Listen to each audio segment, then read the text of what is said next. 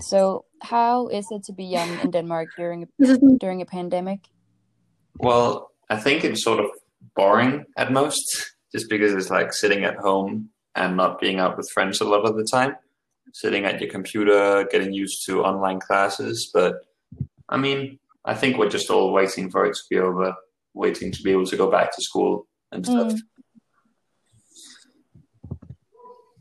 And you, Christian, do you well, um, I think it's it's very bad timing because if you think about it, like you have you have very few years when you're a teenager and you really want to enjoy those years. So it's very bad timing that, that two of those years had to be struck by Corona, and you had to um, waste a lot of time just sitting around doing nothing.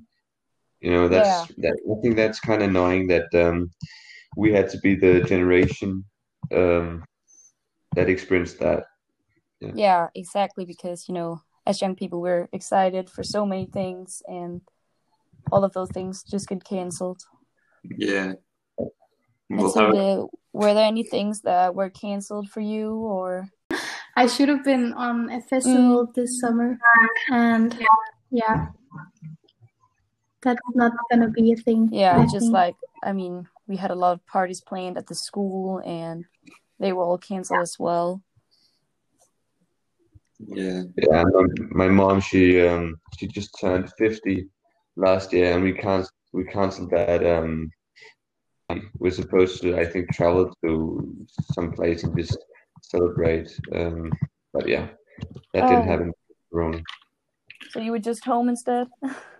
yeah, yeah. Just um. Oh well, yeah. nuclear.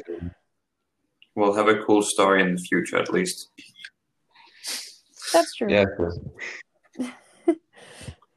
yeah. Uh, do you guys like agree with the way that uh, the Danish government handled the entire pandemic?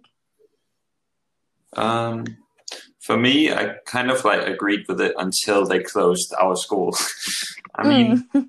but that might just be because it hit me I wasn't yeah. really affected much before, but now that I realized how much it sucks being at home instead of just going to school when you know that you can probably contain it at the school, mm. how much that sucks. Yeah, yeah, the only thing like I disagree with was that they let so many families go on like skiing trips because like oh. the first infected one in Denmark was because they went on skiing tri- trips in like Austria and places like that. Yeah. Mm. Well, the system is really strange because in some ways it's very loose and in some ways it's very tight. So like mm. people still travel to Dubai and get infected, and still the whole country is in lockdown. So that makes no sense. That's yeah, exactly. yeah. But I mean, in some countries, like the worst thing, uh, we talked to a guy from Germany. He said he said that they have like curfews. They can't go outside after 9 p.m. Yeah, I was really shocked about that too. Like mm. people not being able to be outside after 9 p.m. That's crazy. Yeah, that's. But that's probably just you know they don't want people to meet each other at all. But uh. Yeah. Well, that, that's a very different approach from uh, Poland. You know, a lot of people in Poland just think it's a hoax. They don't um they don't believe in Corona the government isn't very serious about it. You know, um, what what's yes. the guy's name? Um, the guy from uh, Poland we talked to. yeah, Benjamin. Yeah, he talked a lot about um, how they pro um, they they canceled um, a lot of things, but they waited until after the, the election. So that was very stupid. They didn't really take it seriously. Yeah, and then the president of Poland just went out and said that Corona's over, it's no longer a problem. And then a month later, they went back into lockdown. Yeah. Do you think that that will have any impact on us? That there are a lot of countries who are handling the situation very poorly? Mm, I think that it might. I mean, it slows down the the limited duration of time until we get rid of Corona completely, right? But mm. aside from that, I think we're getting pretty glad that we live in Denmark even more than we were before. At least I'm pretty. pretty happy that I'm not in Poland during this time. Yeah, also because they have a lot of other uh, things going on at the moment, Yeah, such as those like abortion uh, protests, and yeah. It was so they should not be worrying about this at the moment. Apparently, Like except for on a personal plan, I don't think it has that many consequences short term. I think they're all based No. on long term term um, consequences, such as financial problems um, connected with the lockdown. But um, mm, yeah, because we're we're all waiting um, for the vaccine right now, and um, that that isn't gonna make a difference. Um, but um, it's still it's gonna make a long term difference. Yeah. yeah, for sure. yeah.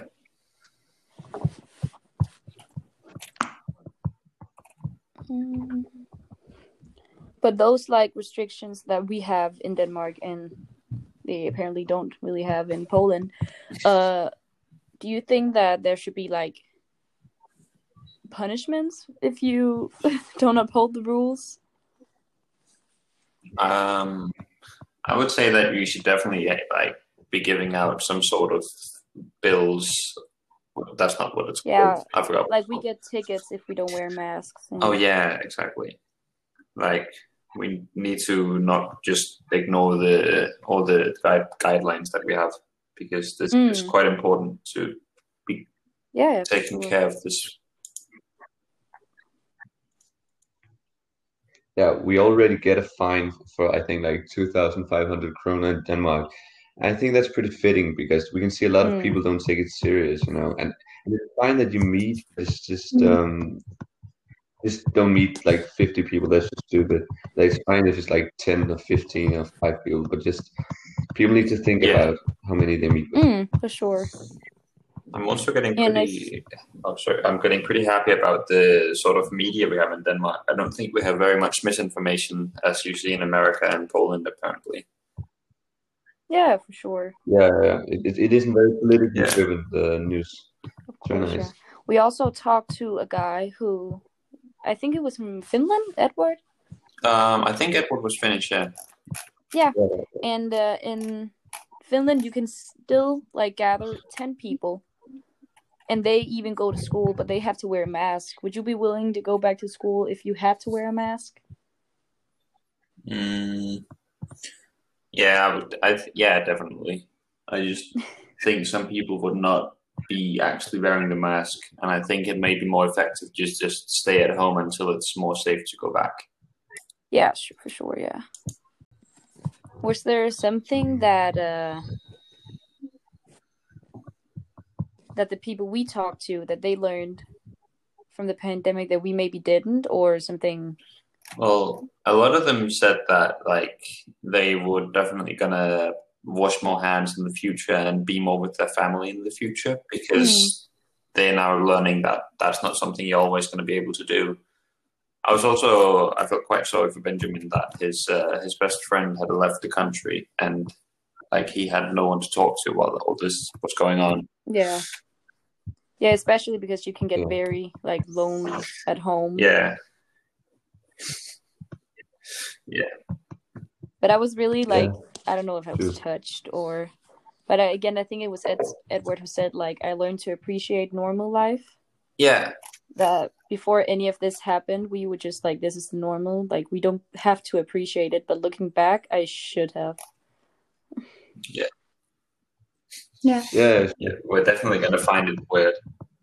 you keep doing Mm. this more thing. Even when we like go back to normal one day. Yeah, we'll Mm. we'll see things different. It's gonna I think. And then of course it's not a bad thing that we just learn to be to wash our hands more. Yeah. but- it's also probably going to take some time to get used to normal life again. Like not Mm. being able to hug strangers and stuff. That feels so Yeah. weird now. Mm, for sure. Even even like when you watch a movie and a bunch of people are gathering and they're not Yeah, wearing masks or anything. Yeah. I know about you, but I get like goosebumps. That's so strange. Yeah. And when you like when you watch old videos from your phone, you're like, "What the fuck Mm. is going on here?" You know, you know what like Gatherings, was at a. Yeah. Yeah, it's just so confused. Like, Yeah. "What's this?" Oh my god, it's so weird. This is gonna be in the history books too. Like we're gonna be able to look on back Yeah. on this in like 2070 and be like, oh, that that was us. We went through that, and it was horrible. Yeah, we're gonna tell our grandchildren Yeah. what happened. It's gonna be fun. Well, I think that was it for this podcast.